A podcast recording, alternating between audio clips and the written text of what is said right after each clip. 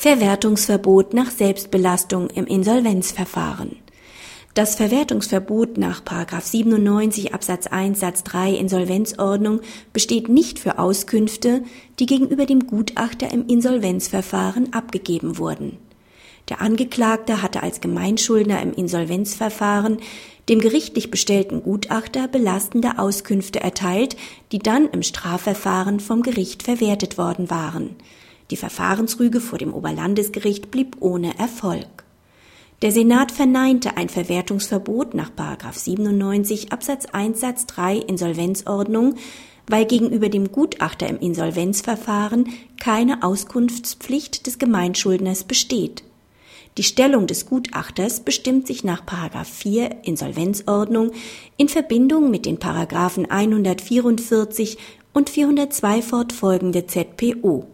Danach stehen dem Gutachter keine Zwangsbefugnisse gegenüber dem Gemeinschuldner zu.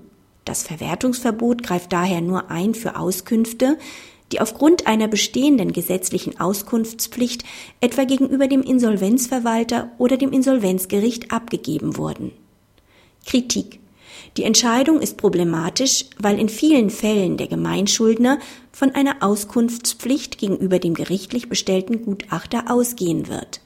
Dann aber ist seine Konfliktsituation im Hinblick auf die Selbstbelastungsfreiheit im Strafverfahren vergleichbar mit derjenigen bei Auskünften gegenüber Insolvenzverwalter oder Insolvenzgericht